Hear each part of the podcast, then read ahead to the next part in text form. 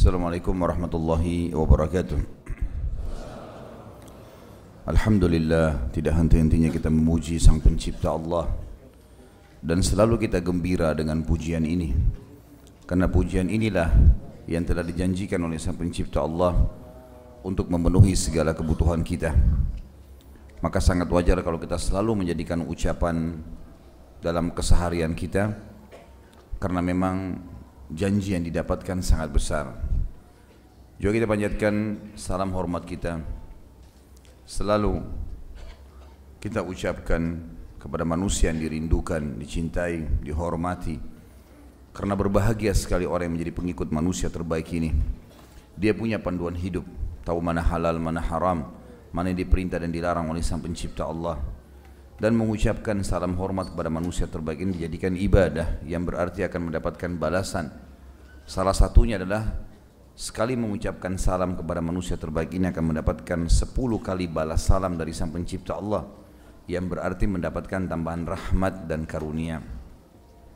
Maka sangat wajar kalau kita selalu mengucapkan salawat dan taslim kepada Nabi besar Muhammad sallallahu wa ala alihi wa sahbihi wasallam melanjutkan bahasan kita saudara seiman dosa-dosa besar dan semoga Allah berkahi. Setelah panjang lebar kita jelaskan dua dosa besar yang lalu 57 dan 58 masalah mencaci maki atau mencelah para tokoh sahabat Rasulullah sallallahu alaihi wasallam ridwanullahi alaihim. Dan juga dosa besar ke-58 masalah mencela secara khusus kaum Ansar penduduk asli Madinah kita akan masuk pada malam ini dosa besar ke-59 mengajak kepada kesesatan dan memberi contoh jalan hidup yang buruk. Saudaraku seiman, kalau kita menjalankan agama Allah, apa adanya, semurni-murninya. Apa yang qala Allah, Allah berfirman, apa yang qala Rasulullah sallallahu alaihi wasallam, maka kita akan temukan Islam itu mudah, ya, padat, jelas, tidak ada neko-nekonya. Halal jelas, haram jelas. Perintah dengan segala rinciannya, rukunnya, syaratnya, wajibnya, sunnahnya, yang membatalkannya, semuanya jelas. Yang haram jelas. Dan realita di lapangan kita bisa lihat dengan ancaman-ancamannya. Ya zinanya, ya ribanya, yang segala macam dengan rincian dan pendapat-pendapat ulama yang sangat banyak kita akan temukan seorang muslim yang mengamalkan agamanya sangat mudah sekali. Dia punya panduan hidup dan dia bisa buktikan hasilnya dalam realita sehari-hari. Kalau itu kesimpulan atau itu yang bisa kita jelaskan di awal pembukaan kita teman-teman sekalian, maka coba fokus kepada apa yang diperintahkan saja. Dan fokus kepada hal-hal ini dalam aplikasi kehidupan kita atau kita aplikasikan dalam kehidupan sehari-hari lalu kemudian ajarkan kepada orang lain. Dan juga hal-hal yang dilarang dalam agama jauhi dan jangan pernah contohkan kepada orang lain. Karena menjadi contoh mempraktikkan kebaikan yang telah diperintahkan oleh sang pencipta Allah melalui kitabnya Al-Quran dan melalui sunnah Nabi Muhammad alaihi salatu wassalam itu akan jadi pahala. Mengajarkan kepada orang lain menjadi amal jariah buat dia. Mengerjakan dosa yang dilarang oleh sang pencipta Allah akan dapat hukuman. Kalau dia ajarkan kepada orang lain malah bisa berlipat-lipat hukumannya. Karena setiap pelaku keburukan akan ya, dipanen pahalanya oleh orang yang menunjukkan.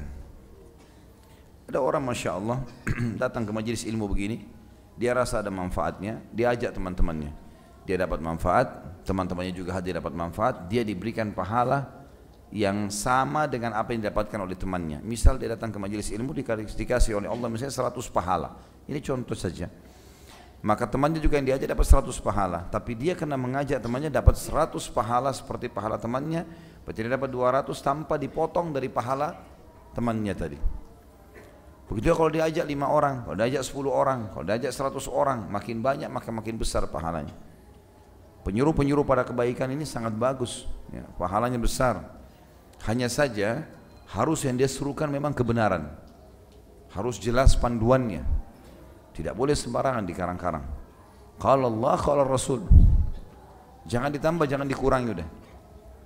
Allah sudah turunkan dengan selengkap-lengkapnya Al-Quran 30 juz juga sudah diajarkan kepada Nabi Muhammad SAW semua sunnah apa yang Allah inginkan cukupkan dengan itu dan orang yang berbuat dosa ada banyak orang subhanallah panen dosa karena dia sendiri yang buat dia buat zina misalnya dia dapat dosa dengan zinanya tapi uniknya dia panggil temannya keesokan harinya untuk ke diskotik yang sama, ke karaoke yang sama, ke tempat zina yang sama, atau ke hotel yang sama, kemudian dia mengajarkan temannya yang belum tahu apa-apa. Kalau nanti kamu masuk ke kamar, kamu lakukan seperti ini, lakukan seperti ini, diajarkan secara rinci bagaimana temannya berzina. Walaupun dia tidak lakukan zina pada malam itu, malam yang kedua yang diajak temannya, tetap dia dapat dosa yang sama dengan apa yang dilakukan oleh temannya. Maka ini harus dijauhi ini. Kalaupun ada seseorang terjerumus dalam kesalahan, karena semua orang bisa terjerumus dalam kesalahan, maka minimal buat diri dia sendiri. Jangan diekspos ini. Jangan dibagi-bagi sama orang. Karena kalau mereka melakukannya walaupun kita sudah tidak melakukannya, maka tetap kita dapat dosanya. Pelanggaran dalam agama, teman-teman, oleh para ulama dibagi menjadi dua. Ada dosa syahwat ada dosa syubhat. Dosa syahwat, dosa yang diikuti dengan hawa nafsu, zina, riba, mencuri, memukul, menipu, itu hawa nafsu. Umumnya dosa syahwat ini orang yang melakukan kata para ulama sadar kalau dia salah dan tidak tidak sulit untuk mengajaknya kembali.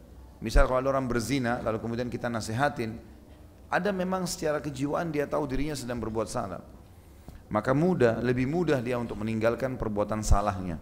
Bahkan kadang-kadang dia mengakui sendiri, dia tahu dirinya sedang sesak nafasnya, sedang gak enak, sedang sumpah gara-gara sudah buat dosa itu. Ada yang kedua ini yang berbahaya, dosa syubhat. Dosa syubhat. Dia nggak tahu ini dosa atau bukan. Ini masalah ini. Jadi dia melakukan perbuatan yang dia anggap itu kebaikan padahal sebenarnya bukan kebaikan. Seperti orang banyak sibuk melakukan perbuatan bid'ah, syirik. Ini bahaya sekali.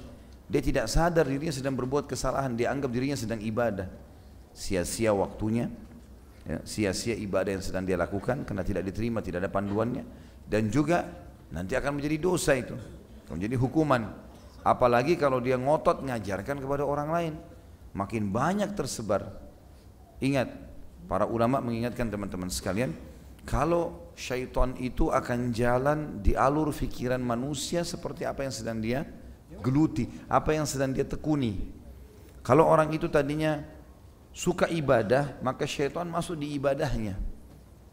Kalau seseorang yang kita tidak bisa digoda berzina sama syaitan misalnya, tidak bisa digoda dalam uh, riba misalnya atau dalam mencuri misalnya, Syaitan tuh dia suka ibadah. Dalam ibadah nanti dia masuk ke dalam majlis, dia hasut sama yang di sana, dia cemburu ya, atau dia mungkin menggibah orang yang ini dan seperti itulah. Dalam ibadahnya dimasukkan atau dibuat dia mengkhair pada saat dia sholat atau dia merasa atau dia riak dalam ibadahnya. Maka syaitan masuk di sisi di mana orang itu sedang memikirkan sesuatu atau apa yang sedang dia tekuni. Harus hati-hati. Karena jangan sampai kita berpikir dosa itu hanya kalau saya zina hanya kalau saya bohong. Enggak kita juga melakukan perbuatan-perbuatan yang Nabi tidak contohkan dalam ibadah bisa syubhat. Syubhat ini sabda Nabi SAW sudah jelas. Yang halal jelas, yang haram jelas. Di antaranya hal, ada hal yang samar-samar. Siapa yang menjurumuskan dirinya pada siapa yang menyelamatkan diri dari hal yang samar-samar, boleh atau enggak ya? Dia telah menyelamatkan kesucian agamanya dan di jiwanya, dirinya dia. Dan siapa yang menjurumuskan dirinya pada yang syubhat, tidak jelas hukumnya, dia belum tahu atau dia tidak tahu atau mungkin memang tidak ada dalilnya maka dia telah menjerumuskan dirinya pada yang haram. Seperti pengembala domba yang membawa domba-dombanya di padang rumput yang luas. Kemudian rumputnya lebih tinggi dari dari dari dombanya. Dia tidak tahu domba mana yang dicuri oleh serigala. Khusus untuk masalah dalil yang dipakai oleh Imam Al-Dhahabi rahimahullah dalam dosa besar ini. Dan Imam Al-Dhahabi bukan ulama yang hidup zaman sekarang sudah lama ini dan buku yang sedang kita bahas jelas rujukannya beliau mengingatkan dari zaman itu tahun 700-an Hijriah. Ya. Ini kurang lebih tujuh abad yang lalu.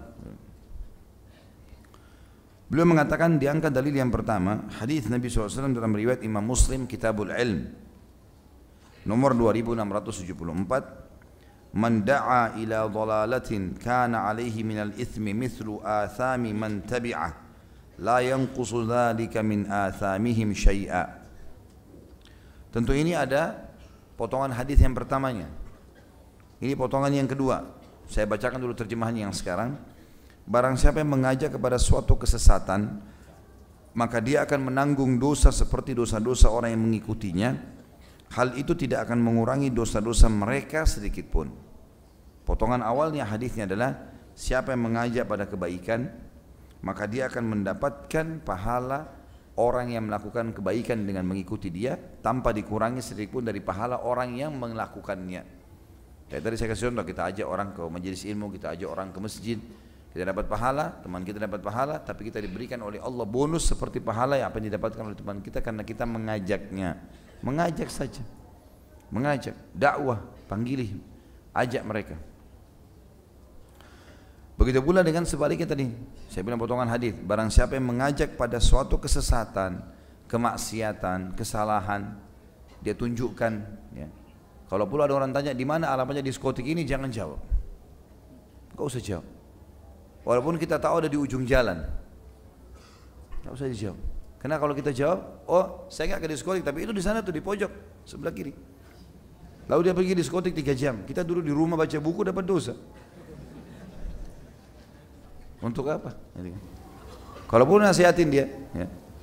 saya mau tanya diskotik di mana? Mas orang muslim ya? Tanya, siapa tahu dia muslim? Iya saya muslim. Sudah tahu gak itu nggak boleh loh ke diskotik haram gini-gini. Ya udah itu urusan saya ya sudah. Saya juga nggak bisa tunjukin. Saya nggak mau dapat dosa kalau saya tunjukin. Siapa tahu jadi penyebab hidayahnya? Siapa tahu? Subhanallah. Dalam beberapa bahasa Arab dikatakan bisa saja sebuah kalimat yang kau ucapkan bisa mengubah hidup seseorang berubah jadi totalitas secara totalitas menjadi kebaikan. Saya pernah sampaikan teman-teman kalau masih ingat kisah Abu Hanifah. Abu Hanifah itu mulai menuntut ilmu umur 35 tahunan. Bukan dari anak-anak seperti Imam Syafi'i, Imam Ahmad dari kecil sudah hafal Quran, umur 6 tahun, 7 tahun sudah hafal Quran. Ini enggak, Imam Abu Hanifah 35 tahun. Itu pun masih belum tahu sholat waktu itu, sholatnya masih terbengkalai. Maksudnya masih kurang sempurna. Terbukti beliau menceritakan sebabnya beliau menuntut ilmu sampai akhirnya hafal Quran jadi ulama besar gara-gara masuk di masjid di Irak dia sholat salah sholat jadi tegur sama salah satu jamaah ini sholat musala yang benar itu begini, begini, begini. Gara-gara itu Abu Hanifah mengatakan saya malu, masa saya sholat saya nggak tahu umur 35 tahun. Akhirnya beliau mulai belajar gitu. Belajar, mulai belajar, mulai belajar sampai akhirnya hafal Quran, hafal Abu Hanifah sampai menghafal kurang lebih 800 ribu hadis. Makanya beliau termasuk imam madhab karena Imam Ahmad mengatakan syarat menjadi imam madhab harus minimal menghafal 500 ribu hadis dengan sanatnya. Fulan, fulan, fulan, fulan, baru hadisnya. Jadi, dihafal semua. Abu Hanifah bisa hafal begitu. Apa kata para ulama? Orang yang mengingatkan Abu Hanifah di masjid tadi itu panen seluruh pahalanya Abu Hanifah. Karena gara-gara dia luruskan kesalahannya Abu Hanifah jadi sadar belajar jadi ulama besar. Jadi mana kita tahu teman-teman ya, orang yang salah sholat di sebelah kita jadi ulama besar nanti? Bisa jadi. Gara-gara teguran dia atau gara-gara peringatan kita gitu ya. Atau mungkin kita kasih dia sebuah buku ada buku-buku kecil yang sering kita bagikan ini banyak sekali. Buku doa, buku sholat. Tidak seberapa nilainya. Harga gorengan ini. Jadi, datang ke masjid, bawa di tas antum 10 buku. Di masjid, saya datang barbot, saya mau titip ya. Taruh di pojok-pojok di masjid, mungkin ada rak. Bisa dibaca oleh jamaah. Atau kita bagi-bagi pada saat habis sholat Jumat. Atau lagi di angkutan umum. Bisa kita bagi buku. Gak usah jual gitu kan pahala. Target sehari 10 orang lah, 10 buku kita bagi. Satu, 10 hari 100 orang. Satu bulan 300 orang. 10 persen saja. Ya. 30 orang dapat hidayah. Satu persen deh, tiga orang. Tiga orang selama dia ibadah kita dapat pahalanya. Abu Hanifah itu sekarang teman-teman sekalian, madhabnya beliau dipakai hampir di seluruh Eropa dan Turki. Jumlahnya jutaan orang yang pakai madhabnya sampai jadi madhab madhab pemerintahan Turki madhab Abu Hanifah dan subhanallah orang yang tunjukkan tadi itu panen pahalanya itu luar biasa gitu kan Abu Hanifah pernah berkata cerita tentang bagaimana Dia belajar dari tukang cukur yang pernah saya ceritakan waktu lagi musim haji. Dia lagi masuk ke tukang cukur, dia tanya, berapa harganya cukur ini? Kata tukang cukur, jangan tanya harga ini ibadah. Gak usah tanya, bayar berapa kamu bayar? Baiklah. Pas dia duduk Abu Hanifah bilang, saya duduk, duduk saya bukan arah kiblat. Dia bilang, adab kiblat lah. Kau lagi ibadah ini, masih pakai baju ihram. Dia bilang saya hadapkan kiblat. Kemudian saya pas duduk menghadap kiblat, saya bilang silakan potong, saya kasih arah kiri kepala saya. Dia bilang kenapa arah kiri? Sunnah Rasulullah arah kanan. Padahal Abu Hanifah sudah ulama besar waktu itu. Dan ini yang tegur dia tukang cukur. Dia bilang saya belajar lima ilmu fikih dari tukang cukur. Masalah tadi jangan negosiasi masalah cukur. Datang 10 real bayar aja 10 real. Gak usah negosiasi ibadah. Kemudian hadap kiblat pada saat dicukur. Ini mazhab mazhab Abu Hanifah ya. Kemudian cukur sebelah kiri disuruh oleh tukang cukur bilang sebelah kanan sunnah Rasul sudah tiga. Dia bilang sementara saya lagi dicukur saya diam nunggu. Tukang cukur bilang kenapa kok diam? Ini ibadah, zikir, berdoa. Abu Hanifah, Abu Hanifah benar juga. Kenapa saya bengong? Mungkin mendingan saya zikir. Dia bilang sambil saya berzikir. Udah selesai, yang fikih yang kelima dia bilang, begitu saya mau saya sudah bayar, saya mau pergi, dia bilang, kamu mau ke mana? Dia bilang, saya mau, Abu bilang, saya mau pulang. Sebentar, kamu baru selesai manasik. Berdoa, ini mustajab. Dia bilang, baiklah, saya berdoa. Dia bilang, saya lihat tukang cukur ini, enggak ada tanda-tanda, enggak ada, enggak ada ciri ulamanya. Orangnya kayak orang biasa, orang awam. Kata Abu Hanifah, saya tanya kamu atas nama Allah, dari siapa kau belajar tadi itu? Dia bilang, saya pernah mencukur Atta bin Abi Rabah. Seorang tabi'in. Atta bin Abi Rabah teman-teman datang cukur ke tempatnya tukang cukur, nggak banyak ngomong. Nggak banyak ngomong. Dia cuma datang, terus kemudian dia langsung, saya mau cukur. Dia nggak negosiasi harga. Kemudian dia duduk, dia hadap kiblat. Pada saat lagi cukur, dia berikan isyarat dengan cukur mulai sisi kanan. Kemudian dia sambil berzikir, setelah pas mau pergi dia berdoa. Kata tukang cukur apa? Saya pernah mencukur Atta bin Abi Rabah dan dia kerjakan itu. Dan setiap kali orang datang cukur di tempat saya, saya selalu nasihatin yang sama. Perilaku, perilakunya bisa jadi amal jariah. Dan subhanallah Atta bin Abi Rabah tidak pernah kenal Abu Hanifah. Tidak pernah kenal, karena Atta sudah meninggal lama. Abu Hanifah waktu itu masih belum malah belum belajar agama malah. Ya kan? Maka Atha bin Abi Rabah panen pahala mazhabnya Abu Hanifah dalam masalah manasik. Hanya karena masalah itu contohnya. Dan banyak sekali, banyak sekali. Saya pernah subhanallah naik ke naik bus waktu masih mahasiswa dari Madinah ke Mekah mau umrah. Saya masih ingat bahkan sekarang ini saya masih kebayang muka orang itu subhanallah. Dia duduk di belakang kursi saya. Jadi pada saat lagi Madinah ke Mekah lumayan dulu masih 6 jam kita naik bus. Karena kecepatan bus dilarang oleh kerajaan Saudi lebih dari 60 atau 80 km. 6 jam sampai di Mekah. Tengah jalan ada orang di belakang saya ini sambil waktu naik habis lewat mikot eh, kemudian naik di bus sambil talbiyah masing-masing talbiyah. Orang ini tadinya saya merasa terganggu awalnya. Orang ini di belakang kursi saya dia bilang, "Ya ikhwani, wahai saudara-saudaraku, jangan diam. Ini lagi ibadah." lima enam jam perjalanan. Berzikirlah bertalbiyahlah. Kita kalau meninggal dalam keadaan berihram kita dikubur dengan ihram kita. Ini ibadah. Lalu mulai disebut-sebut banyak hadis. Dan ada di antara hadis dia yang dia sebutkan saya masih ingat sampai sekarang. Dia mengatakan di antara hadis Rasulullah SAW kalau kalian berzikir maka tanah yang sedang dilewati oleh seseorang yang berzikir berbangga dengan tanah yang lain atau lokasi yang lain yang tidak sedang berzikir, tidak tidak ada yang sedang atau tidak ada orang yang lewat sedang berzikir di sana. Dia mengatakan, sungguh telah lewat di atasku hamba Allah yang berzikir kepada Allah. Di antara terus saja dia bicara teman-teman sampai mendekati Mekah, hampir lima jam, enam jam dia bicara terus nih. Nasihat terus. Saya tadinya awal sempat merasa terganggu, lama-lama saya asyik mendengarkan. Dia cerita tentang hadis, tentang apa, banyak banyak sekali diberikan nasihat sama dia. Lama-lama saya berpikir, iya ya. Kenapa kenapa orang tidak berpikir? Mungkin ada orang yang merasa terganggu dengan keadaan orang-orang seperti ini, tapi ternyata Dia memang tidak mau menyanyikan waktunya, dia bisa memaksimalkan waktu. Dari mana dia tahu teman-teman sekalian kalau saya sekarang menyampaikan hadis yang saya dengar dari dia di majelis seperti ini yang ribuan orang hadis. Dia cuma dulu di mobil di bus itu hari. Ini kisah mungkin sekitar 15-17 tahun yang lalu ini. Ya. Tapi begitulah subhanallah. Jadi kebaikan-kebaikan itu kita amalkan, sebarkan. Amalkan, sebarkan. Jangan diam. Yang penting kebenaran itu kita tahu. Betul-betul memang kebenaran harus punya dalil kalau Allah, kalau Rasul, kita punya agama murni Islam, jangan ditambah-tambah gitu. Seperti itulah teman-teman sekalian. Sama halnya dengan keburukan. Pengalaman-pengalaman antum dalam dosa, jangan dikenang lagi, tidak usah kenang. Apalagi kalau sampai mengajarkan ke orang lain, apalagi kalau menceritakan ke orang lain. Bahkan sebagian ulama mengatakan dianjurkan agar seseorang tidak menceritakan maksiatnya di masa sebelum dia taubat. Walaupun dia mau jadikan sebagai ibro dan pelajaran bagi orang lain. Lebih baik dia hindari.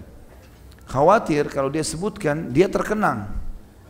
Bisa mengingat, bisa jadi masalah buat dia. Misal dia bilang, saya dulu juga pernah berzina. Nah untuk apa? Saya juga tahu itu begini dan begitu. Ya, lebih baik dia mengatakan, jangan berzina, tapi menikahlah. Lalu dia sebutkan fadilah daripada dia mengenang masa lalunya. Saya sudah pernah laluin itu semua obat-obatan, saya pernah laluin itu begini-begini. Enggak, enggak ada gunanya. Apa gunanya? Jangan disebutin. Karena kita dianjurkan untuk menutupi menutupi aib kita sendiri. Itu aib, enggak boleh. Kata Nabi SAW, orang yang buruk kedudukannya di sisi Allah adalah orang yang telah Allah tutupi aibnya semalaman lalu dia bongkar sendiri besoknya. Malam hari dia zina, malam hari dia mabuk, malam hari segala Allah tutup semalam suntuk enggak ada yang tahu. Besok dia sendiri yang ekspos di kantornya atau di jalan atau di keluarganya. Apalagi kalau sampai ajarkan ke orang lain ini. Ya. Kita sebagai orang tua jangan ajarkan amal buruk kepada anak-anak. Jangan wariskan keburukan. Ya. Kepada teman-teman, kepada kerabat, kepada istri, kepada suami. Ya. Walaupun kepada orang tua kita juga. Harusnya kita fahami ini teman-teman sekalian. Dan ini berbahaya sekali karena dosa-dosa kita akan panen dari situ. Ya. Sama juga dengan hadis, ada hadis yang sahih riwayat Bukhari tapi di sini tidak disebutkan itu dalam bahasan kita. Tidak ada tidak ada jiwa yang terbunuh ya, kecuali anak Adam yang pertama melakukannya akan panen dosanya. Tadinya nggak ada pembunuhan kan? Waktu Qabil dan Habil ribut, gitu kan? Terbunuhlah. Pada saat terbunuh, ya, maka Allah Subhanahu wa taala menjadikan dia yang membuka pintu itu, pintu keburukan itu. Sehingga semua orang yang terbunuh atau orang yang membunuh sampai menjelang hari kiamat dipanen dosanya oleh orang ini. Ini kan bahaya sekali. Nabi SAW juga dalam hadis yang lain di sini teman-teman sekalian, hadis yang kedua diangkat oleh beliau, riwayat Imam Muslim dalam Kitab Zakah nomor hadisnya 1017 dan Nasai Kitab Zakah nomor 75 dan 76. Saya sudah pernah sebutkan sebenarnya ini uh, apa namanya uh, penyebabnya hadis ini ya. Jadi ada beberapa sahabat orang-orang padang pasir miskin sekali, susah hidupnya. Saking susahnya hidupnya sampai muka mereka itu hitam kemerah-merahan. Baju mereka cuma satu lembar di badan, diikat di leher. Dan kalau seandainya ya, kalau seandainya dia atau mereka tersingkap atau dengan angin tersingkap auratnya. Nabi SAW lihat dari jauh, beliau langsung naik mimbar, motivasi sahabat untuk sadaqah, sadaqah, sadaqah, sadaqah. Bersodakahlah itu akan meredam murkanya Allah, itu akan menambah rezeki kalian. Terus Nabi SAW motivasi mereka. Lalu Nabi mengatakan bersodakahlah walaupun dengan secuil kurma. Maksudnya kalau kalian di rumah kalian tidak punya kecuali satu butir kurma dan kalian cuma mampu cuil sedikit kulitnya itu disodakakan, sodakakan. Enggak boleh enggak ada yang sodakah gitu kata Nabi SAW. Kemudian ada satu sahabat, waktu itu Nabi SAW suruh tebar kain untuk menerima sodakah supaya diberikan kepada orang-orang susah ini. Ada satu sahabat berdiri memulai memberi, memulai memberi, dia memberi. Lalu yang lainnya pada ikut semuanya. Apa kata Nabi SAW? Diberikan gambaran di sini. Waktu sahabat tadi membuka pintu itu lalu yang lain ikut. Man sanna fil islami sunnatan hasanah Siapa yang memberikan contoh yang baik dalam Islam? Tadi sahabat ini disuruh motivasi jihad, sodaka dia paling pertama datang. Akhirnya orang lain pada ikut semua gitu. Ya. Maka dikatakan kana lahu ajr mithl ajr man amil man amila biha min ba'di. Maka dia akan panen pahala siapa pun yang mengikuti langkahnya setelah itu. Walaupun dia belum mati, tapi dia menjadi contoh. Tidak ada hubungannya dengan ria ini, karena kita dimotivasi. Jadi kan, kalau pas lagi mau azan kita duluan berdiri, teman-teman kantor lihat kenapa? Udah azan, mau azan ke masjid. Kita ke masjid lalu yang lain ikut, dapat pahalanya. Kita memulainya. Sama dengan kasus ini, ya. Maka Nabi SAW mengatakan siapa yang menjadi contoh bagi kebaikan-kebaikan dia akan panen pahala orang yang mencontohinya tanpa dikurangi sedikit dari pahala itu. Kemudian beliau lanjutkan mengatakan man sanna wa man sanna sunnatan sayyi'ah kana alaihi wizruha wa wizru man amila biha min ba'di min ghairi an yanqusa min auzarihim syai'a. Dan barang siapa yang memberikan satu contoh jalan hidup yang buruk maka dia menanggung dosanya dan dosa orang-orang yang melaksanakan setelahnya tanpa mengurangi sesuatu pun dari dosa-dosa mereka.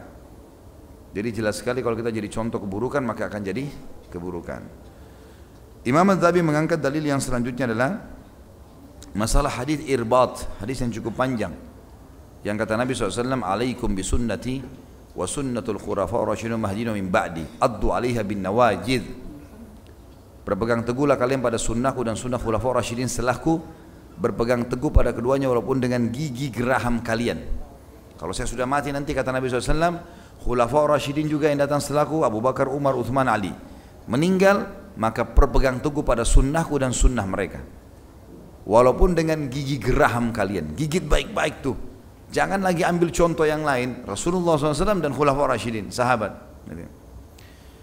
Maka kata Nabi SAW, wa iyyakum wa muhdatsatil umur dan hati-hati dengan perbuatan-perbuatan yang dibuat-buat baru. Perhatikan di sini, Nabi SAW sebutkan di awal potongan hadis berpegang pada sunnahku, contoh-contoh dari aku dan khulafaur rasyidin. Berarti kan sudah ada yang disuruh untuk diikuti. Lalu Nabi bilang, hati-hati dengan perbuatan-perbuatan yang baru. Maksudnya apa? Baru dari apa yang saya lakukan dan sahabat saya lakukan. Tidak ada dulu kami lakukan. Fa inna kulla muhdatsatin bid'ah semua yang dibuat-buat itu dalam masalah ibadah dikenal dengan perbuatan baru dalam agama. Keluar istilah bid'ah. Wa bid'atin dhalalah dan perbuatan bid'ah itu bisa membawa pelakunya pada kesesatan dan kekeliruan. Wa dhalalin finnar wa inna dhalalatin finnar dan semua kesesatan akan membawa pelakunya ke dalam api neraka. Dan hadis sahih ini riwayat Imam Muslim. Maka di sini teman-teman sekalian kita lihat Nabi SAW mempertemukan antara sunnah di awal hadis dengan bid'ah di akhir hadis. Apa kata para ulama? Berarti dua ini dua makna yang berlawanan, rival. Seperti malam dan siang, laki-laki dan perempuan, hidup dan mati, dunia dan akhirat, gitu kan? Tinggi dan pendek, lapar dan kenyang. Nah, bid'ah sama sunnah. Ini seperti itu. Karena Nabi bilang di awal potongan hadis, renungi baik-baik, gitu kan? berpegang pada sunnahku dan sunnah khulafaur rasyidin dan hati-hati dengan bid'ah di akhir. Berarti konsep pemahamannya pemahamannya adalah bid'ah sama sunnah bertolak belakang. Makanya keluar statement para ulama salaf mengatakan siapa yang hidupkan satu sunnah dia matikan satu bid'ah. Siapa yang hidupkan satu bid'ah dia hidupkan dia matikan satu sunnah. Karena ini rival lawan. Baik, kenapa kalau kita cukupkan dengan sunnah saja? Kan enak, nyaman. Sama kalau kita kerja di perusahaan sering saya kasih contoh ini, kita ikuti peraturan saja yang ada. Udah, itu aja. Dapat gaji, tetap bekerja jadi pegawai, selesai. Kenapa harus buat yang perusahaan tidak suruh? Coba-coba. Gak diterima nantinya gitu kan. Dengan segala macam istilah lah dibuat. Bidah itu ada begini, ada begitu, ada begini, segala macam. Itu upaya. Tapi yang kita tahu dari hadis Nabi SAW, Kullu bid'atin dolalah. Di sini sabda Nabi SAW jelas. Bidah bisa membawa pelakunya pada kesesatan karena dia rival daripada sunnah Nabi SAW. Dan perbuatan bid'ah ini masuk dalam dosa syubhat tadi. Karena orang yang melakukannya orang tidak tahu kalau dia buat salah. Dia pikir dirinya benar. Diingatkan saudaraku, Rasulullah nggak pernah contohin, nggak apa-apa, yang penting baik. Ini yang baik di mata kita, yang baik di mata Rasulullah SAW. Mestinya begitu. Iya kan? Bayangkan teman-teman, kita bayangkan sama-sama kalau seandainya kita buka pintu bid'ah ini. Semua orang boleh buat karena baik. Kalau kita hadir di sini, masya Allah berapa ribu orang hadir ini, kita masing-masing buat. Kira-kira masih tertinggal dari sunnah Rasulullah SAW? Sudah nggak tertinggal dari kemudian Islam sudah susah. Udah ketinggal karena orang mau buat apa yang dia suka. Sementara sunnah Nabi SAW agama ini suka atau tidak suka harus kita kerjakan. Harus kita terima. Maka jangan dibuka pintu ini. Lebih baik itu tutup. Sebenarnya sekali lagi sebagai nutup saya bagikan, saya saya terangkan meja ini kalau kita bagi dua ini zona aman dan zona tidak aman. Dalam ibadah zona aman adalah kerjakan ada perintahnya saja. Titik. Udah. Selesai, pasti diterima. Zona tidak aman adalah kita coba-coba. Bisa diterima, bisa enggak. Enggak apa-apa lah, enggak apa-apa lah. Waktunya sia-sia, ya, ibadahnya sia-sia. Iya, yang jadi masalah kalau jadi dosa. Karena bidah itu dosa. Bukan bukan tidak karena Nabi mengatakan. Makanya Imam Az-Zahabi masukkan dalam buku ini, ini bukan perkataan saya. Imam Az-Zahabi rahimahullah semua ulama ahli sunnah tahu siapa Imam Az-Zahabi. Beliau mengatakan ini. Bahwasanya mengangkat hadis kulu bidatin dalalah. Maka ini harusnya kita fahami teman-teman sekalian. Tapi kalau ada di antara muslimin dari nasihatin tidak mau dengar, silahkan. Jangan lagi disebarin Khalid Basalam ini Wahabi larang-larang buat ini, larang buat itu. Justru karena kami sayang kepada anda, diingatkan. Buatlah ibadah yang ada perintahnya. Tapi kalau mau ngotot, fadal, silahkan. Buat saja.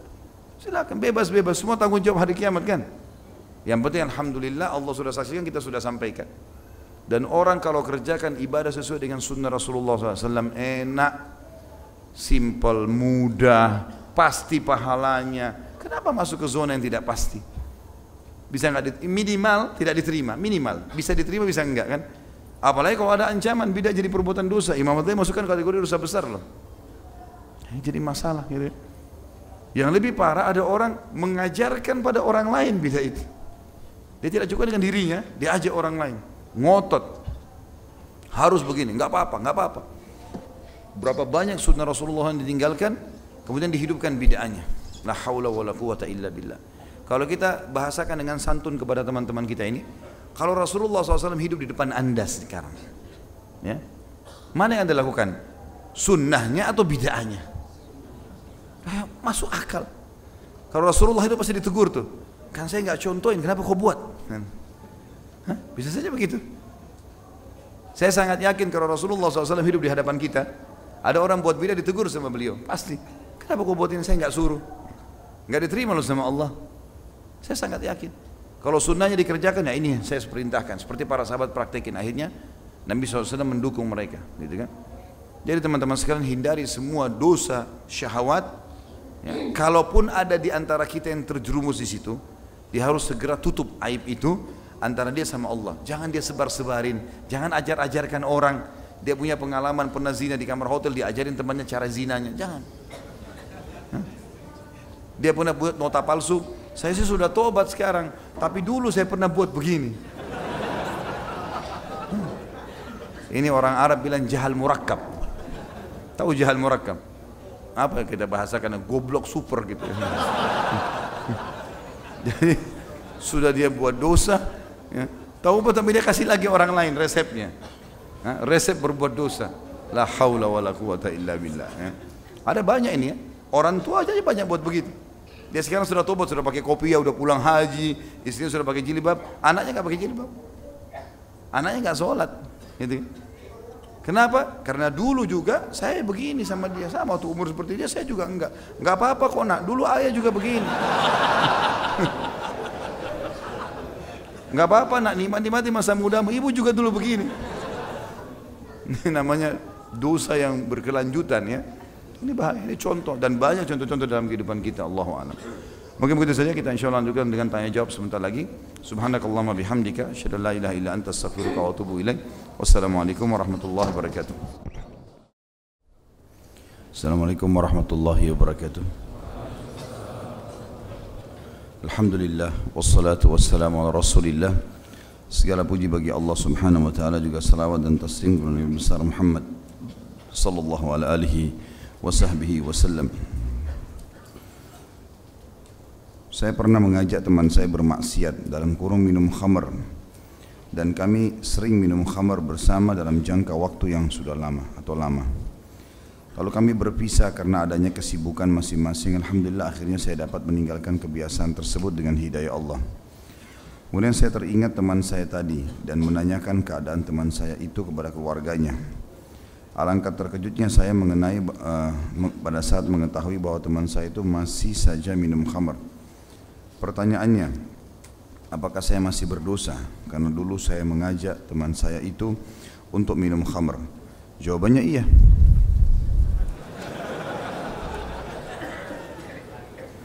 Karena kan ngajak dulu ya. Tinggal pertanyaan selanjutnya, bagaimana caranya supaya berhenti dosanya? Ya telepon teman itu. Kasih tahu dulu saya kan ajak hamar minum hamar itu haram dulu dalam agama. Saya udah tahu hukumnya sekarang. Jadi lebih baik kamu tinggalkan dakwai dia. Jadi seperti kita pada saat telepon ke dia menasihati itu adalah memutuskan dulu penyebab kita mengajak dia. Artinya sekarang saya nggak dukung. Saya berlepas tangan gitu. Jadi saya tidak mau dapat dosa dari situ. Baru bisa lepas. Kalau enggak nggak bisa harus kita seperti membatalkan lah ya masalah itu. Ayah mertua saya secara umum lebih faham agama daripada saya meskipun masih mengerjakan beberapa amalan tanpa tuntunan Nabi SAW. Bagaimana strategi dan adab-adab menasihatinya agar tidak menyakiti hatinya. Sedangkan saya sendiri baru belajar sunnah. Gunakan media, mudahkan fasilitas. Kalau ilmu kita masih kurang, kita belajar dulu terutama di masalah yang secara substansial yang kita ingin luruskan. Apa misalnya yang kita anggap perbuatan salah dari seseorang, teman, kerabat, mertua, orang tua, istri, suami, anak, apa saja. Secara substansial apa masalahnya dia? Dosa syahwat atau dosa syubhat, dua-duanya sama. Bagaimana caranya kita pelajari substansial itu? Misal teman kita suka berzina, maka kita coba mendalami ilmu peringatan-peringatan dan ancaman syariat berhubungan dengan zina. Baca. Tinggal ketik di Google sekarang ancaman orang berzina, keluar banyak artikel. Kita baca supaya punya bukti, kalau perlu kita copy, kirim ke teman. Gunakan fasilitas yang sudah ada. Atau mungkin ada banyak buku-buku yang menjelaskan masalah itu misalnya. Gitu kan? Jadi banyak sekali buku-buku yang yang sering saya bawa dan sering juga kita usahakan bagikan yang ukurannya hanya seperti ini, ya kurang lebih seperti buku-buku kecil ini. Yang saya bilang harganya harga gorengan 6 ribu, 7 ribu, 10 ribu rupiah. Ya. Jadi harga yang sangat murah, beli tinggal bagiin kepada dia. Ya. Berikan, beri, beri, apa, bagikan. Masalah dosa-dosa, secara dosa apa? Misalnya masalah hijab. Ya. Ada buku di sini misalnya, wahai ukti, kenapa engkau tidak berjilbab? Harumnya surga tidak akan tercium oleh mereka yang tidak istiqomah dalam syariatnya buku kecil bagian kepada akhwat ya mungkin akhwat kita di belakang punya teman-teman kantor punya temannya kerabatnya belum pakai jilbab murah sekali bukunya kasih hadiah. Ini saya titipin ya hadiah buat saya mudah-mudahan bisa dibaca. Kasih buku apa saja. Kalau berhubungan dengan masalah dosa syubhat masalah bid'ah masalah syirik juga banyak buku-buku seperti ini yang menjelaskan masalah bid'ah dan syirik. Definisinya dalil-dalilnya contoh-contohnya kasih aja. Kita gunakan fasilitas. Kalau merasa belum punya ilmu, belum tahu. Tapi minimal kita juga membacanya supaya jangan sampai kita mengajarkan ilmu ke orang, memberikan buku sesuatu tentang bahasan tertentu kita sendiri belum paham itu. Itu nggak boleh di sisi Allah, harus kita tahu dulu kan. Baru kita sampaikan ke dia. Tinggal masalah metode menyampaikan apakah secara langsung atau kita berikan buku. Itu yang saya tahu, itu yang cara terbaik gunakan fasilitas. Sekarang juga selain buku mungkin kita bisa kalau dia malas baca buku kita bisa berikan cuplikan-cuplikan ceramah. Ya semoga saja. Ya, itu kan upaya kita, istihad kita cukup sampai situ nggak apa-apa. Selebihnya tinggal doakan ya sudah tawakal. Saya seorang guru, saya mulai untuk mempraktekkan tata cara busana tak isbal. Namun ada beberapa murid yang sedikit protes karena apabila mereka seperti itu dalam berpakaian akan dihukum. Apa yang harus saya sampaikan Ustaz? ke anak-anak karena ada beberapa yang mencontohi saya dan ada pula yang menertawakan saya jadi memang dalam mempraktikkan sunnah Nabi SAW apalagi di zaman kita sekarang di mana banyak sunnah-sunnah Nabi yang tertinggal gitu kan bahkan lebih semarak acara-acara bidah daripada sunnah gitu. itu sudah umum maka memang kita butuh juhud untuk menyampaikan lebih ekstra lah seperti misalnya dari seorang guru, masalahnya apa? Di sekolah misalnya, kita bisa bicara sama kepala sekolah, menjelaskan, memberikan buku. Ini loh, saya baca buku ada seperti ini pak, misalnya kepala sekolahnya. dan saya praktikkan ini dalam perilaku saya sehari-hari berpakaian. Biarkan dia baca gitu kan. Setelah itu kemudian saya akan berpenampilan begini di sekolah. Bisa kan? Ya bisa ya sudah. Nanti kalau selanjutnya bertemu lagi ada murid-murid yang mungkin mau mengikutinya, kita jelaskan. Jadi jelaskan kenapa kita melakukan. Jangan tiba-tiba saja melakukan kemudian nanti di hardik tidak ada penjelasan. Tidak, kita jelaskan kenapa. Jadi biar jelaskan. Kalau saya sarankan seperti itu. Masalah ada orang menertawakan gak usah diperdulikan itu. Nabi SAW ditertawakan, dianggap penyihir. Ya. Apa yang lebih berat daripada itu? Nabi SAW lagi ceramah nih, penyihir tuh jangan dengar gitu. Begitu. Ini penyamun nih, ngarang-ngarang, dusta, jangan dipercaya. Bahkan Nabi SAW jalan, itu diikuti oleh pamannya Abu Lahab di belakang. Jangan percaya orang ini, ponakan saya, saya lebih tahu dia dia pendusta. Ya? Ya.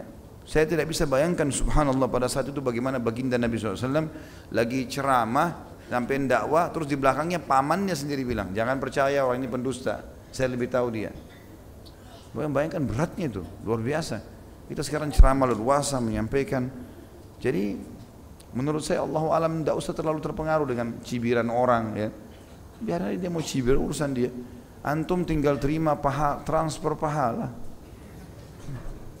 kamu begini, begini, begini. Kamu garis keras lah segala macam. Senyum saja. Senyum saja. Dia butuh penjelasan, kita jelaskan. Dia tidak mau butuh cuma sekedar menghina, sudahlah. Tinggal terima pahala apa saja yang dikasih situ. Kan? Terima transfer gratis, enak sekali itu. Nah. Semoga Ustaz sehat dan berkah hidupnya. Sama-sama insya Allah. Saya mencintai Ustaz karena Allah ahabbakallah ahbabtani fi. Berkaitan dengan mengajak kesesatan. Apabila saya mengajak teman untuk nonton bioskop, apakah termasuk mengajak kesesatan? Apa hukumnya nonton bioskop? Filmnya religi Ustaz.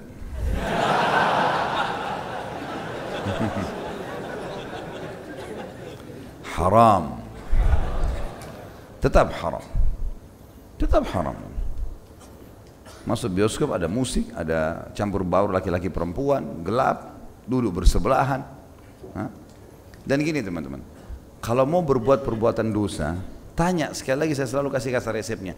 Kalau saya tidak buat kenapa? Kenapa kalau tidak ke bioskop?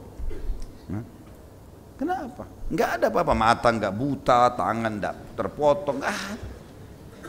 Duduk di rumah enak, baca buku, dapat ilmu, minum susu, baca Quran, tidur, eh. Pergi malam-malam, pulang jam sekian malam, untuk apa? Hanya untuk nonton rekayasa cerita. Kan film, itu rekayasa cerita ya. Dongeng. Ya. Cuma dikemas. Ini aktornya hebat ini. Kadang-kadang kita ditipu berapa kali karena orang aktor ini yang sama punya 100 film misalnya. Di sini jadi penjahat, di sini jadi orang baik, di sini jadi Bodohnya kita ikut-ikutin. Oh iya iya ini bagus. La haula wala quwata illa billah.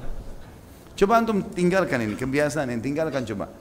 Nonton-nonton ini coba tinggalkan. Tinggalkan awal mungkin ada tekanan terasa pengen ingat aktor ini hebat ya ini ya itu pengaruh kejiwaan. Coba tinggalkan aja. Seminggu, sebulan, lama-lama antum akan merasa aneh kenapa dulu nonton. Akan muncul sampai pada puncak itu nanti. Banyak jemaah saya gitu. Akhirnya mereka mengatakan, iya ya Ustaz ya, akhirnya apa yang Ustaz sampaikan tentang masalah kalau kita tinggalkan kemaksiatan dan memang melalui proses, ada tekanan-tekanan terasa, prosesnya ada. Ya. Tapi begitu sampai pada puncaknya, kita jadi berpikir, iya ya kenapa dulu saya buang-buang uang, buang waktu, untuk apa ada hisapnya loh ini. Kita teman-teman mati itu tidak nunggu ruangan eh, ICU di rumah sakit. Bukan berarti kita meninggal sakit parah dulu baru meninggal, enggak. Orang duduk begini bisa meninggal. Orang lagi jalan bisa meninggal. Bagaimana orang masa aman gitu? Hmm? Sampai para ulama mengatakan bagaimana orang bisa nyenyak tidur di malam hari dengan berharap surga sementara dia bisa mati setiap saat. Dan bagaimana seseorang bisa melakukan maksiat di siang hari sementara dia tahu setiap saat bisa malaikat maut menjemputnya. Itu kelalaian. Penyesalan di belakang teman-teman sekalian hati-hati. Gitu kan. Jadi bukan pasti enak ya. Jadi kita nggak pungkiri nonton film India tiga jam. Sebentar dia nangis, sebentar dia hebat, sebentar dia pengelas, sebentar dia enak memang asyik pasti. Tapi waktu antum terbuang, ya. waktu antum terbuang gitu. Enggak, film ini saya nonton supaya saya belajar bela diri. Bagaimana caranya belajar bela diri dari film itu? Hah? Belajar panggil guru, belajar di depan mata, praktek. Lihat orang nendang, kita tendang juga enggak kan? Duduk nonton. Enggak nendang kok. Itu alasan syaitan. Belajar, belajar, lihat benar di lapangan. Ya. Permasalahannya adalah kalau kita nonton sesuatu teman-teman, anggaplah ada cuplikan yang tidak ada masalah agama. Misal pas orang lagi contohin apa gitu ya, sesuatu yang positif. Tapi pasti dari sekian durasi dua jam pasti ada maksiat. Maksiat ini masalahnya, dia kalau ada, dia mengendorkan, menurunkan timbangan amal soleh. Dan pernah saya bilang, kalau timbangannya seimbang, nggak bisa khusyuk. Mau tutup mata, mau baca Quran dengan tartil, tetap nggak bisa khusyuk. Caranya harus ini ditutup dulu, berhentiin dulu dosanya. Amal soleh dikerjain, nanti naik rate-nya, lama-lama jadi khusyuk. Makin kental, makin bagus, makin luar biasa. Sampai Abu Bakar dan Anhu itu kalau dengar ayat pasti nangis, nggak bisa nggak nangis. Kata para ulama kan begitulah dalam keseharian sudah tidak ada lagi yang dia lakukan kesalahan. Ya sudah keluar, dia lihat yang haram, dia tunduk, perempuan misalnya tundukin mata, agama sudah ajarkan azan ke masjid, ha, pendapatan halal, udah jalannya agama sudah. Jadi naik terus ini, red ibadahnya ini terkunci nggak bisa. Makanya jadi khusyuk nanti. Jadi kalau antum campur baur kan nggak bisa. Saya sholat ke Ustaz subuh di masjid tapi saya malamnya ke bioskop. Ya kalau ini betul terjadi, orang nonton di bioskop kemudian dia sholat subuh dan dia bisa sholat di masjid ini luar biasa sebenarnya. Kalau yang fakta secara teori nggak bisa. Dia buat maksiat malam subuhnya lepas. Itu teorinya begitu. Sampai Abdullah bin Umar mengatakan Mas, saya tahu saya buat dosa kecil, dosa kecil. Ya. Akibatnya saya terharamkan sholat subuh berjamaah di masjid sebulan. Hilang itu amal soleh itu jadi hilang. Gara-gara sedikit. Selalu teman-teman sekalian dosa itu efek jerahnya besar untuk mengembalikan. Jadi seperti kita luka. Orang kalau berdosa itu seperti ambil pisau, luka-lukain badannya. Butuh proses. Pisau ditarik, disimpan. Ini tetap luka. Tunggu kering dulu. Ada bekasnya dosa itu. Sebagaimana ibadah juga ada bekasnya. Antum kalau nggak ke bioskop sholat malam, ada bekasnya itu. Cuman kalau ibadah beda. Antum seperti meletakkan pelembut kulit, ya, pewangi, beda. Bukan luka. Kalau dosa itu luka. Karena orang sumpek, sedih. Nggak ada orang buat dosa itu nggak sumpek teman. Coba deh, ini alam ini tutup nih sekarang. Pindah ke alam ini hijrah dan jangan setengah-setengah jadi orang baik. Sekalian jadi orang baik. Mau orang bilang alim, mau orang bilang berubah, ah biarin aja dia ngomong.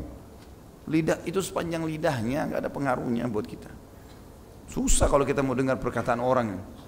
Kenapa kau pakai baju abu-abu ini? Oh iya ganti. Kenapa kau pakai kopi ini? Ganti. Enggak punya prinsip. Kenapa kau berubah? Ya saya suka begini. Ini prinsip saya. Orang yang buat maksiat aja. Untuk apa urus saya? Bisa bilang gitu. Cuma kita dalam ibadah kalau sudah punya iman tidak.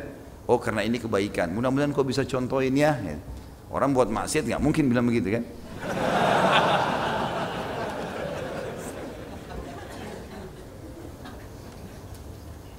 Apakah benar ketika seseorang terkena sihir Lalu ustadznya menyuruh mandi kembang tujuh rupa Dan menyuruh membaca surah yang ustadznya kasih Apakah itu sesat Ustaz? Masalah sesat saya tidak tahu Ini tujuh, tujuh kembang, tujuh rupa kembang ini kembang apa ini? Saya nggak tahu kalau kalau dia maksudnya siapa tahu ya tujuh lembar daun bidara sunnah Nabi. Karena memetik tujuh lembar daun bidara dan dihancurin, dimasukin di air, dipakai sebagai air mandi atau air, air rukyah. Sunnah Nabi SAW, hadisnya sahih masalah itu. Tapi kalau tujuh kembang ini seperti dukun-dukun, ya, warna-warni, warnanya ada merah, ada kuning, ada segala macam, ini dukun berkedok ustaz. Hmm. Ya, karena di Indonesia banyak ini. Allah musta'an. Semoga Allah kasih hidayah. Ya. Ciri-cirinya seperti itu memang memberikan syarat ini, syarat itu, syarat ini. Kalau ustadz yang benar, saya mau tobat, caranya satu, dua, tiga, empat, lima, udah amalin. Tinggalkan dosa itu, sesali, janji sama Allah tidak ulangi. Selebihnya sibukkan diri dengan amal soleh. Udah, praktekin. Agama mudah sekali kok. Gak usah pakai syarat, minta foto, minta ini, minta di, mati, mandi kembang, minta segala macam. Banyak soalnya gitu. Saya temukan ada jemaah banyak mengaku Pada saat dia merasa bertahun-tahun tidak bisa menikah, setiap mau nikah gagal, datang ke ustadz-ustadz dan kiai, disuruh mandi air kembang. Jadi kan, tidak pernah Rasulullah SAW suruh begini. Ada sahabat mau menikah langsung disuruh menikah lah, udah selesai. Agama simpel, tidak usah mandi tujuh, tujuh macam air segala macam, tidak, tidak perlu. Ya, kalau ada halangan istighfar, mungkin memang belum cocok buat kita untuk itu. Sudah ikhtiar, pasti dimudahkan kok sama Allah. Orang penjahat aja bisa nikah. Masa kita orang jadi orang baik terus tidak bisa? Enggak mungkin, itu was-was syaitan. Jadi kalau dilihat tadi kalau ini menggunakan daun bidara sah saja. Tapi kalau yang lain jelas nggak benar. Ya. Karena tidak pernah contoh dari baginda Nabi alaihi salatu wassalam. Saat sholat berjamaah, terima kasih doanya ini ada banyak masya Allah doa yang disebutin. Semoga Ustaz Khalid diberi kesehatan, rezeki yang melimpah dan selalu dilindungi oleh Allah. Sama-sama insya Allah. Jazakumullah khair. Saat sholat berjamaah di masjid, imam masjid di daerah saya selalu mengutamakan bahwa jemaah sholat di saf pertama agar diisi oleh jemaah rutin dan yang tinggal di sekitaran masjid dan mengutamakan yang memakai baju koko dan bersarung. Jemaah yang mampir diatur agar sholat di samping jemaah berbaju koko dan bersarung atau di saf kedua dan seterusnya. Apakah perilaku tersebut ada anjurannya oleh Nabi SAW? Apa itu termasuk bid'ah? Dan adakah doa khusus sebelum melakukan azan? Ya. tentu ini tidak boleh ya. Sebenarnya tidak boleh. Yang penting seorang muslim masuk dia sudah tutup aurat dengan benar gitu kan? Dia masuk kemudian dia sholat dia lebih dulu masuk sholat tidak boleh kita pindahkan. Ada hadis Bukhari melarang masalah itu. Tidak boleh kita memindahkan seorang muslim dari tempat duduknya atau kita menduduki tempatnya atau kita berdiri di tempatnya sebelum izin dengan dia. Jadi nggak boleh nih kita punya hak kalau kita datang lebih dulu di awal. Masa orang duhur jam 12 misalnya, dia dari jam 11 nggak ada kegiatan, lagi jalan, mampir di masjid dia mau baca Quran, dia duduk di saf pertama. Begitu azan suruh pindah ke belakang. Gara-gara nggak pakai kopi ya misalnya. Eh, atau nggak pakai sarung atau nggak pakai baju koko, ini nggak nggak benar. Kecuali kalau dia pakai baju-baju yang memang mungkin ketat, ada tulisan-tulisan. Ini bukan cuma disuruh di saf kedua, suruh ganti bajunya. Kan itu. Jadi Allah alam kalau memang betul seperti ini lebih baik jangan gitu kan. Kalau dikatakan itu bid'ah ini saya rasa bukan bid'ah. Ini mungkin kita husnudzon, mungkin maksudnya dia adalah orang-orang yang memang sudah rutin datang di situ mungkin titip pesan, saf ini buat saya, saf ini buat saya, mungkin titip pesan sama imamnya, gitu kan. Jadi itu perilaku yang positif saja sebenarnya ya. Jadi bisa saja saya misalnya titip pesan sama imam dekat rumah saya, tolong yang saf pertama di sebelah kanan tuh ini saya disimpanin satu tempat misalnya ditutupin, simpanin, mungkin dititip begitu. Ini bisa saja terjadi ya, kita sangka baik saja soal itu. Cuma disuruh pindah orang yang asing, bukan tinggal di komplek itu misalnya, itu ini keliru. Sebaiknya jangan. Saya seorang HRD di perusahaan riba, namun saat ini saya sudah berhenti.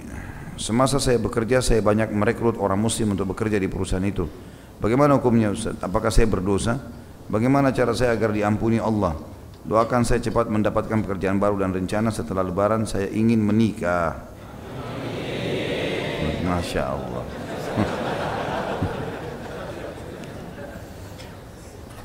Baiklah, uh, tentu kalau kita pernah menunjukkan kebaik, keburukan pada seseorang, ya, apalagi di sini mungkin bekas pegawai, bisa tahu, bisa teman-teman kantor, hubungin mereka, hubungin, supaya kita batalkan dosa berkelanjutan itu. Saya dulu yang mengajak kalian masuk karena saya belum tahu hukumnya. Maka saya tahu loh sekarang ini nggak boleh riba gitu kan. Saya berlepas tangan. Kalian mau kerja itu urusan kalian. Tapi saya berlepas tangan. Saya nggak ada urusan. Saya dulu tidak tahu. Seperti itulah. Ya.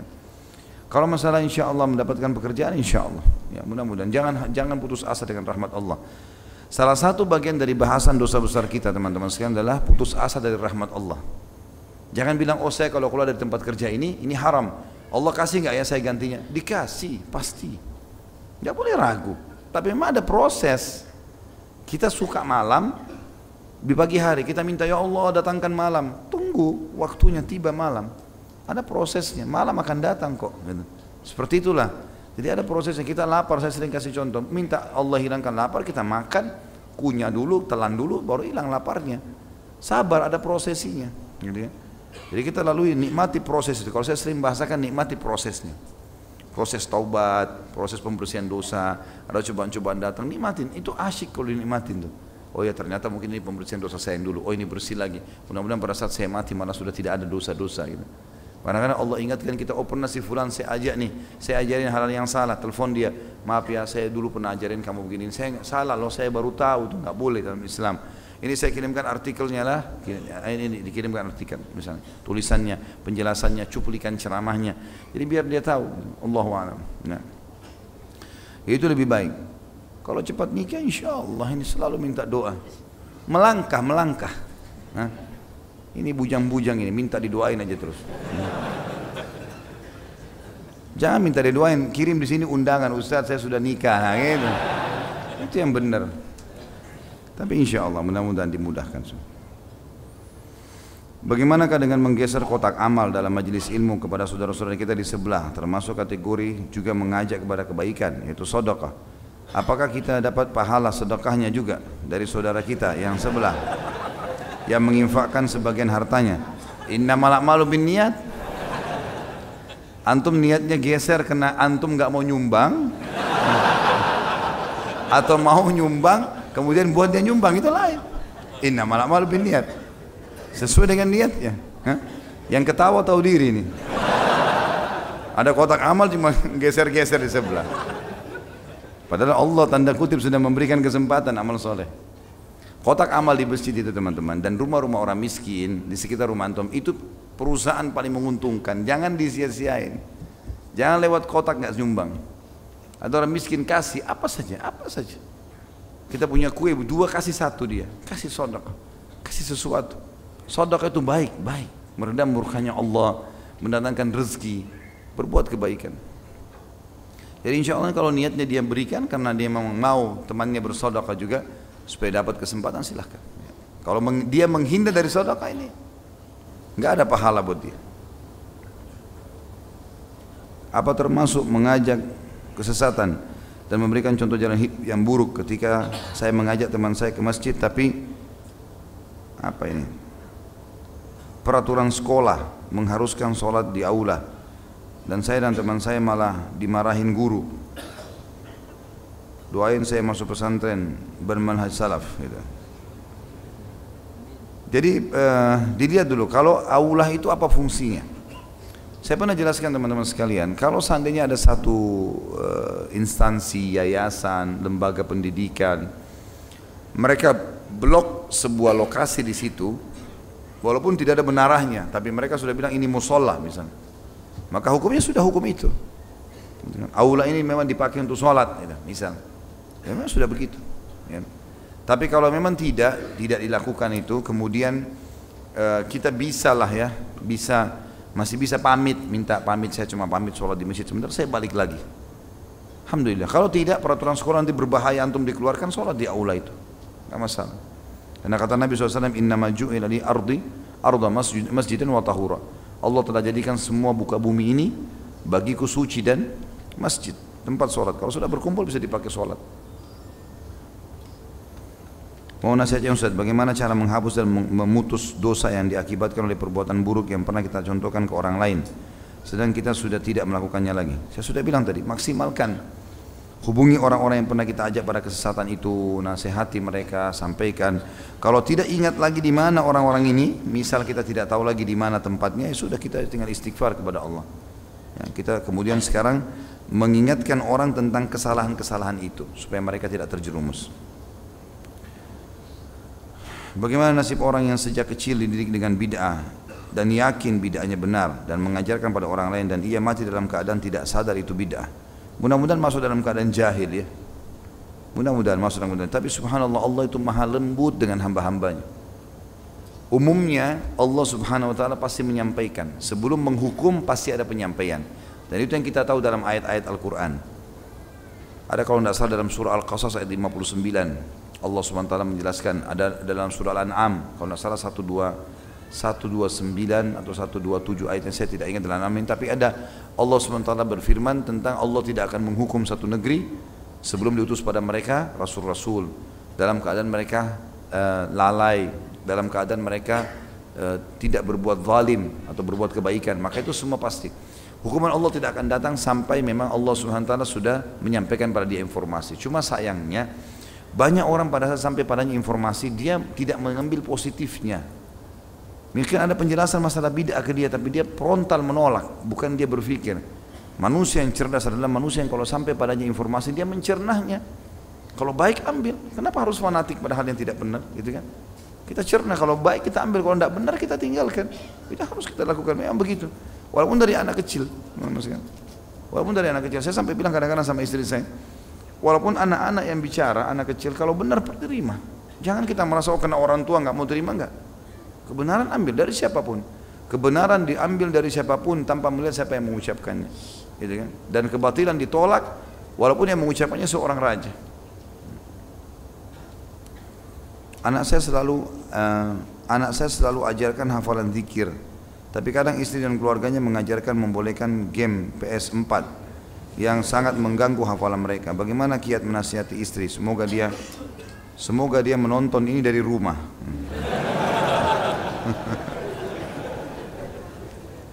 Nasihati dengan kasih sayang ya. Kalau istri berbuat salah, nasihati dengan baik-baik ya. Kita kira-kira titik mana menghadapi manusia itu begitu. Kita lihat titik celah mana yang kita bisa masuk dengan dia. Misal mungkin ada sesuatu yang dia gemar dari makanan, dari minuman, waktu senggang pada saat berdua, lalu kita berikan masukan-masukan dengan retorika yang baik. Yang jelas teman-teman kata Nabi SAW, Ma nazala linu fi syai'in illa zana. Tidak ada sesuatu yang dihiasi dengan lemah lembut kecuali akan menghiasinya. Wa ma nuzi amin syai'in illa syanah. Tidak ada sesuatu yang ditarik darinya kelembutan kecuali akan merusaknya. Nasihati dengan baik. Jadi jangan nasihati pasangan itu, kalau kau nggak gini kau masuk neraka. Hmm. Gitu. Seperti batu yang jatuh di air gitu. Pohon yang jatuh betul-betul tidak ada belok kiri kanan gitu. Jadi orang kalau masak makanan Teman-teman sekalian kalau ada bumbu-bumbunya macam-macam, terus ada garnis, ada segala macam, itu jadi bagus. Saya pernah kasih contoh kalau makanan supaya mudah difahami gitu kan. Biasa kalau makanan Masya Allah otaknya terbuka semuanya. Nasi goreng digoreng gitu kan. Kemudian mau dihidangkan dua piring. Yang satu piring kita taruh dengan ber, begitu saja, sendok taruh selesai. Telurnya diceplok taruh aja langsung udah. Acar segala macam diacak, berantakan. Dari wadah yang sama ya yang satu enggak, pilihnya kita cetak nasinya, ya, ambil potongan acarnya ditata sedikit, telurnya ditata dengan rapi, sama aja sebenarnya. Tapi penataan ini bagus ini, membuat orang muda terima. Seperti itulah. Oh tadi saya hadir di pengajian, saya dengar pengajian itu ada isi ininya, ada isi ini, ada isi ini, ada isi ini. Kita seperti menyampaikan informasi. Jadi orang tidak merasa dia sedang diserang, gitu kan. Nah itu retorik yang sangat baik dalam dakwah sehingga membuat dia bisa menerimanya. Yang pertama insya Allah mudah-mudahan dia kita doakan semoga istri dapat hidayah. Dan memang uh, ini game teman-teman sekalian ada masalah memang ya. Karena uh, game ini membuat orang jadi penasaran, banyak buang waktu. Kadang-kadang orang mengatakan ini untuk melatih kecerdasan dan segala macam. Latih kecerdasan banyak cara. Tidak harus dengan itu kan. Bisa dengan hafal Quran, bisa dengan hafal hadis, bisa dengan baca ilmu. Ilmu itu manfaat besar sekali. Apalagi kalau kita dari kecil membiasakan mereka dengan game, itu pasti enak teman-teman. Saya sudah bilang tadi nonton film, main game, enak itu. Bukan nggak enak, kita nggak pungkiri itu. Tapi masalahnya dia pelanggaran agama. Membuat orang buang-buang waktu sudah pelanggaran agama. Apalagi kalau dia ada ilustrasi-ilustrasi atau apalah ya, ya yang yang menjauhkan dari pemahaman agama ini yang jadi masalah. Jadi kesannya kayak eh, ada apalah manusia di atas awan atau aneh-aneh yang merusak akidahnya. Apa manfaatnya itu? Gak ada manfaatnya. Bahkan anak-anak yang sering kita kasih game dan dia sibuk dengan itu. Pulang sekolah sudah sibuk. Dari pagi sampai malam. Buang-buang waktu. Dari ini kaset ini habis, pindah kaset lain, pindah kaset lain. Sayang waktunya. Itu kira-kira kalau antum sebagai orang tua jadi amal jariah atau jadi apa itu? Kalau dia terus sibuk dengan main game, Mana lebih baik daripada kita dudukin dia, ayo kita baca kisah Nabi yuk, ayo kita baca tentang ini, ayo kita baca. Satu-satu kita bangun pondasi agamanya maka diamalkan jadi amal jariah buat kita.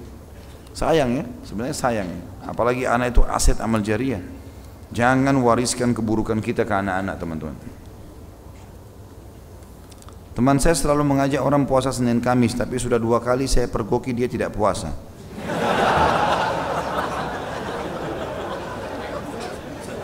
Bagaimana nasibnya Ustaz?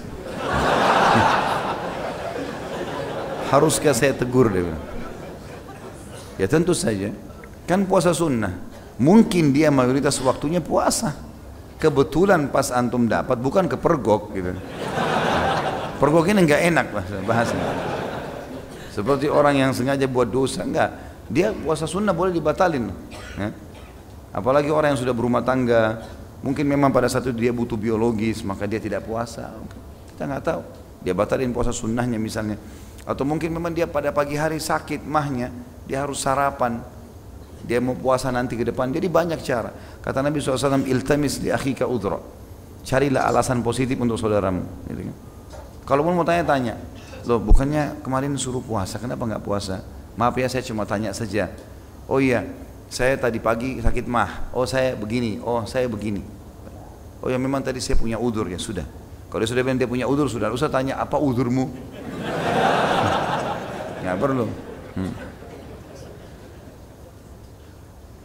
Kalau dia betul-betul menyuruh orang dan dia betul-betul tidak mengamalkan dosa dia. Ya. Karena kabur maktan indallahi an taqulu ma la taf'alun. Berat di sisi Allah kau ucapkan kau tidak amalkan. Kalau anak sering ngajak main kartu, apakah berdosa juga tanpa uang? Untuk apa? Untuk apa buang-buang kartu? Saya pernah lihat dia orang pinggir jalan tuh. Buang. Apa ini? Kamu lagi, kamu lagi. Apa gunanya? ditipu dengan kartu. Nggak ada manfaat. Coba pikir manfaatnya apa? Coba manfaatnya apa?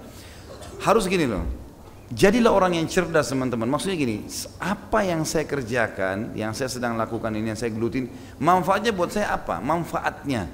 Bukan cuma sekedar berleha-leha habisin waktu enggak. Ada ilmu enggak? Bertambah enggak ilmu? Bertambah enggak pengalaman? Bertambah enggak pendapatan? Bertambah ada iman? Ada itu. Kalau saya begitu ya, prinsip saya saya kalau duduk dengan seseorang, apa nih yang saya bertambah sesuatu dari orang ini apa? Nasihatnya kah, ilmunya kah, pengalamannya kah, ya, pendapatannya kah, mungkin dia punya usaha yang dia bisa kembangkan. Jadi ada manfaat teman-teman. Main kartu apa yang antum dapat coba? Enggak. Kecuali bangga, oh ya saya menang. Gitu. Ulang lagi. Taruh bantal di kepala, taruh ini, taruh. Saya pernah lihat itu orang sebentar gitu. Kenapa saya tanya, kenapa itu? Oh itu dihukum. Dihukum untuk apa dihukum? Kita menghindar dari hukum, kenapa harus dihukum? Kan aneh ya. Maksudnya kan kita menghindar dari dihukum. Kenapa cari dihukum ini? Bisa nusahin diri. Jadi coba coba hal-hal yang bermanfaat. Allah alam ini saran saya saja. Mulai sekarang teman-teman ke depan saya harus cerdas. Apa yang saya kerjakan bermanfaat buat saya. Bertambah di buku amal jariah saya. Ada sebuah tulisan yang sedang saya tulis tapi memang subhanallah kepadatan waktu dalam ceramah belum sempat saya menyelesaikan itu. Jadi uh, Rakib dan Atid memang ini masih dikhilafkan antara ulama apakah nama malaikat atau bukan, gitu kan? Tapi kalau kita berpegang pada pendapat yang mengatakan Rakib Atid adalah nama malaikat dalam ayat Al-Quran, ma yalfidu min kaulin illa ladaihi rakibun atid. Enggak ada satu huruf pun yang satu kalimat pun mereka ucapkan tidak ada rakib dan atid. Ada yang mengatakan ini bukan nama malaikat, ada yang mengatakan nama malaikat. Intinya saya coba mengatakan dalam tulisan dan saya masih telusuri kalau emang itu ternyata pendapat lebih kuat bukan nama malaikatnya maka saya akan alihkan judulnya. Tapi sementara saya jurus judul biarkan rakib yang mencatat amalmu dan bukan atid. Maknanya adalah udah sekarang biar malaikat di pundak kanan kita yang sibuk nyatat terus nih. Karena ya kalau dia catat bermanfaat buat kita. Jangan yang di pundak kiri karena ini bermasalah buat kita. Artinya selalu dari amal soleh ke amal soleh, dari manfaat ke manfaat. Sampai Atta bin Abi Rabah mengatakan rahimahullah, mestinya seseorang antara kita malu pada saat bertemu dengan Allah dan bukunya dipaparkan, di bukunya tidak ada maslahat dunianya, tidak ada maslahat akhiratnya. Ada orang gitu kosong, duduk di pinggir jalan, gak ada kerjaan. Kenapa ini teman-teman? Cari sesuatu bermanfaat. Baca buku, ilmu misalnya, atau bertemu dengan orang, komunikasi, tanya sesuatu Jangan nganggur, jangan diam, nggak ada gunanya. Apalagi sampai buang-buang waktu. Ya. Masya Allah kisah Abu Hanifah, jazakallah khair. Bagaimana kalau maksiat yang dilakukan seseorang diikuti orang lain tanpa mengajak? Bagaimana kalau maksiat yang dilakukan seseorang diikuti orang lain tanpa mengajak? Apa pelaku maksiat tetap dapat dosa? Ini khilaf di antara ulama tentang masalah itu. Apakah seseorang yang melakukan sebuah dosa dilihat oleh orang lain, lalu orang lain kerjakan tanpa dia mengajaknya. Apakah dia dapat dosa? Khilaf di antara ulama. Pendapat pertama mengatakan kalau dia melakukan dosa itu secara terang-terangan atau begini aja kesimpulan dari para ulama adalah kalau dia mengerjakan dosa itu secara terang-terangan dia tahu sebenarnya tapi nanti kalau ada orang lihat bisa saja orang contohi misalnya di pinggir jalan misalnya di tempat umum maka ini bisa jadi dosa buat dia karena dia sengaja beda dengan orang yang melakukan satu perbuatan sebenarnya dia sembunyikan perbuatan salahnya tapi ada orang tidak sengaja melihatnya, maka ini mungkin berbeda. Karena memang dia tidak niat mengiklankannya. Kalau yang awal dia niat mengiklankannya, maka di situ dilihat perinciannya. Kalau dia sengaja memang menunjukkan supaya orang lain mengikutinya, maka itu sudah jelas-jelas jadi dosa buat dia.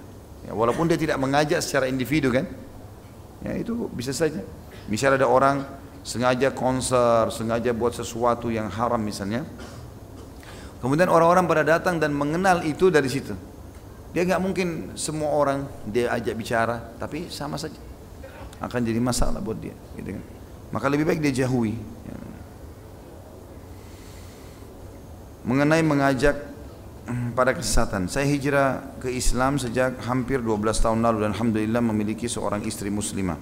Masya Allah. Ini ini yang saya tunggu ini. Ada orang mengaku sudah menikah. Semuanya pengakuan masih bujang doain doain. Alhamdulillah akhirnya ada juga. Permasalahan saya adalah orang bisa menerima agama istri setengah hati. Permasalahan saya adalah orang tua menerima agama istri setengah hati dan tidak menerima saya memeluk Islam. Sejauh ini kami tidak masalah karena saya masih dapat jamaah lima waktu sembunyi-sembunyi dan istri bebas untuk sholat. Namun ketika kami memiliki anak dan akan terus bertumbuh atas izin Allah situasi akan berbeda. Ibu saya tidak mengizinkan anak saya memeluk Islam kelak dan bah, uh, bahkan pada suatu kesempatan ibu saya mengancam bunuh diri. Hal itu sendiri hampir terwujud sehingga kami kembali mencoba meredakan situasi dengan kembali sembunyi. Dengan situasi ketika ibu saya selalu berusaha membuat kami tanda kutip jauh dari Allah sementara anak kami akan mulai mengenal banyak hal hampir umur tiga tahun. Hal apa yang harus kami lakukan? Perubahan akhlak saya pun sejak memeluk Islam belum disadari benar oleh keluarga bahwa semua itu adalah ajaran Islam. Yang pertama saya sarankan pada orang-orang yang begini, teman-teman sekalian yang mu'allaf yang masuk Islam ini, jangan setengah-setengah dalam Islam. Kalau memang antum masuk Islam, anda masuk Islam dan yakin ini kebenaran, udah jangan setengah-setengah memang. Jelaskan Islam itu. Saya menganut Islam dan ini agama saya. Tidak ada hubungannya sama orang tua sama sekali. Tetap bakti sama orang tua, tetap santun sama mereka, tetap bantu pada saat butuh, tetap jenguk kalau sakit, ya. Tetap mencari ridho mereka tapi bukan dalam hal akidah. Bukan dalam hal akidah gitu kan. itu banyak terjadi. Abu Hurairah anu pernah begitu mengalami itu. Ibunya kafir. Tiap hari begitu pulang dari masjidnya Nabi dicaci maki oleh ibunya. Kau sama Muhammad sesaat ini segala macam caci maki tinggalkan agama nenek moyangmu Abu Hurairah sambut dengan senyum tetap dicuci kaki ibunya tetap dimasakin tetap di, dia nggak peduli Sampai akhirnya puncaknya dia datang kepada Nabi SAW mengatakan ya Rasulullah doakan ibu saya. Terus Nabi SAW doakan. Kita juga tahu kisah sahabat Nabi uh, Sa'ad bin Abu Waqqas ya. Pada saat dia masuk Islam ibunya begitu ngancam. Bahkan ibunya uh, demo tiga hari nggak makan, nggak mau makan sampai lemas. Kata saat apa? Hai ibu, kalau seandainya sampai dan kasus ini kan mau bunuh diri ya. Hai ibu, kalau seandainya kata saat ini sudah masuk Islam waktu itu umurnya saat masih 16 tahun kalau nggak salah. Hai ibu kalau seandainya anda ini memiliki 100 nyawa dan semuanya habis mati pakai lagi yang kedua yang ketiga agar saya tinggalkan Islam saya tidak akan tinggalkan percuma. Kalau sekarang terserah mau makan silakan nggak mau makan nggak usah. Jadi gitu sama saat akhirnya ibunya makan juga jadi biasanya ini cuma ancaman-ancaman saja gitu kan kalau saya memang tunjukkan prinsip dan tunjukkan setelah masuk Islam, tidak usah sembunyi-sembunyi. Kalau memang kita jadi lebih baik. Karena ajarin apa aja, karena Islam itu transparan ya. Tetap disuruh bakti sama orang tua yang kafir, tetap disuruh silaturahim dengan keluarga yang kafir, tetap disuruh bantu orang susah dari mereka, tetap disuruh jenguk orang sakit, tetap semua. Enggak ada masalah. Ya penting jangan bantu, jangan umum, jangan umumkan dengan ibadahnya. Kalau ibadahnya di, dihubungkan ini yang jadi masalah. Apalagi ini anak, tidak ada hubungannya sama ibu antum ini. Jangan dihubungkan sama ibu. Oh ini anak saya dilarang masuk Islam. Tidak ada hubungannya. Anak itu lahir sesuai dengan agama orang tuanya. Kalau orang tuanya muslim, ya muslim anak itu kan. Tidak usah dihubungkan sama neneknya. Tidak ada hubungannya sama sekali.